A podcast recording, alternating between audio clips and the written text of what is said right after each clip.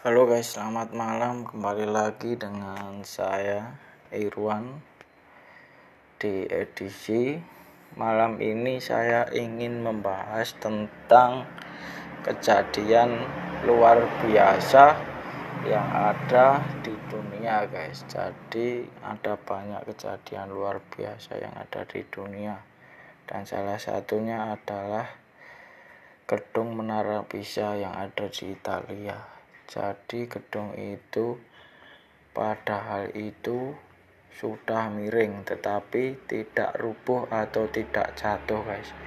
Itu sangat ajaib sekali.